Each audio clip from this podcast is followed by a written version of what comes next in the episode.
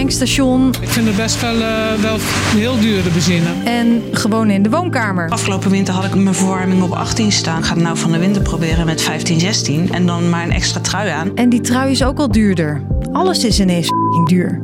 En dat blijft ook nog wel even zo. De hoogste inflatie in bijna 20 jaar. Misschien is dit wel iets waar we voor de langere termijn mee te maken krijgen. In deze aflevering heb ik, Chrisje, het met je over inflatie. Want waarom wordt alles duurder? Lang verhaal kort. Een podcast van NOS op 3 en 3FM. Eerst een kleine recap economieles. Shout-out naar meneer Middelkoop van het Lingencollege. Inflatie is eigenlijk prijsstijging. Je geld is minder waard. Met hetzelfde bedrag kan je dan minder kopen dan eerst. Voor bijna alles moeten we voortdurend meer geld uitgeven.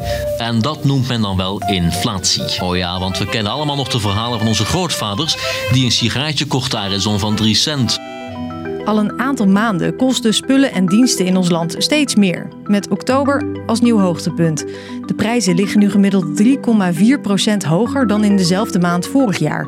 En dat is de sterkste stijging in bijna 20 jaar. Ja, het zijn een beetje de groeipijnen van het herstel van de economie. Zegt Lisa Schallenberg, mijn collega van de economieredactie. Veel mensen die hebben in de crisis geld kunnen sparen. Dat geld brandt in hun zak, willen we weer uitgeven. De coronacrisis had impact op de economie. Denk even terug aan de eerste lockdown. We gingen de deur bijna niet uit. En de overheid stak bergen geld in bedrijven om ze toch draaiend te houden. Terwijl wij niks konden uitgeven.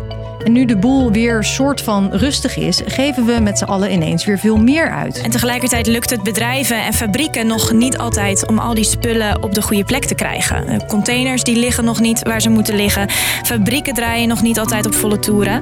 Dus de vraag naar spullen is groot, maar het lukt nog niet om dat allemaal te leveren. En dan, uh, dan stijgen de prijzen. Fabrieken en havens in China, waar veel grondstoffen en spullen vandaan komen voor onze markt, gingen soms op slot vanwege een coronabesmetting. Dus daar is ook een hoop vertraagd. De grondstoffenprijzen zijn gestegen, de containerprijzen. Merkt ook deze webshop. Waardoor uh, de kosten omhoog gaan, waardoor er ook schaarste ontstaan in de bevoorrading van veel artikelen. En wij rekenen het ook weer voor een deel door naar de consument toe. We zullen wel moeten, anders dan maken wij verlies op de orders. Dus de economie gaat weer op volle toeren, de vraag is groot, maar het aanbod blijft achter. Dat geldt ook voor brandstof, omdat we tijdens de hoogtepunten of dieptepunten van de coronacrisis veel minder vaak de auto of het vliegtuig pakten en nu weer in de file staan en op vakantie gaan. En dat is niet het enige. Het is eh, vooral de gestegen energieprijzen. Gas en elektriciteit waren een stuk duurder. Over gas hebben we heel veel gehoord de laatste tijd. Nou, in oktober was het ruim 30% duurder dan een jaar eerder. Is echt heel fors. Komt onder meer doordat we minder gas uit ons eigen Groningen halen. Luister aflevering 156 nog eventjes als je daar meer over wil weten. De gevolgen dan? Huilend pinnen. Kleding, brandstof en je energierekening worden steeds duurder. En dan denk je misschien, kom maar door met die eindejaarsaanbiedingen. Maar dikke kans dat we daar dit jaar een stuk minder van gaan zien vanwege die prijsstijgingen. Omdat er schaarste zit in, uh, in, in de producten. Dat is lastig, zegt deze winkelier. Als wij uh, pak even van een gemiddelde stoel maar 50 op voorraad hebben, terwijl we vorig jaar misschien 100 van op voorraad hadden, ja, dan kan je daar sneller een aanbieding op doen uh, dan als je er maar 50 hebt, omdat ze dan heel snel uitverkocht raken. En dat is nog een luxe probleem natuurlijk. Het kan ook voor echte problemen zorgen, want vooral de lage inkomens worden geraakt door inflatie.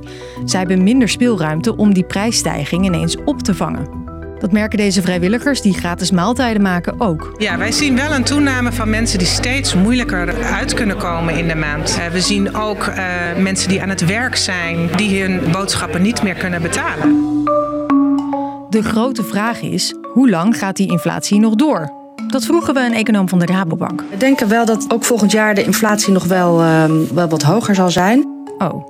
Maar dat er wel in de loop van het jaar een daling gaat komen. Ondertussen willen vakbonden dat de lonen omhoog gaan, net zoveel als de inflatie. Maar economiecollega Lisa heeft een kanttekening. Ja, aan de ene kant is dat een logische gedachte. Aan de andere kant zijn economen daar ook juist een beetje bezorgd over. Want als de lonen stijgen, dan betekent dat ook dat bedrijven meer geld kwijt zijn aan loonkosten.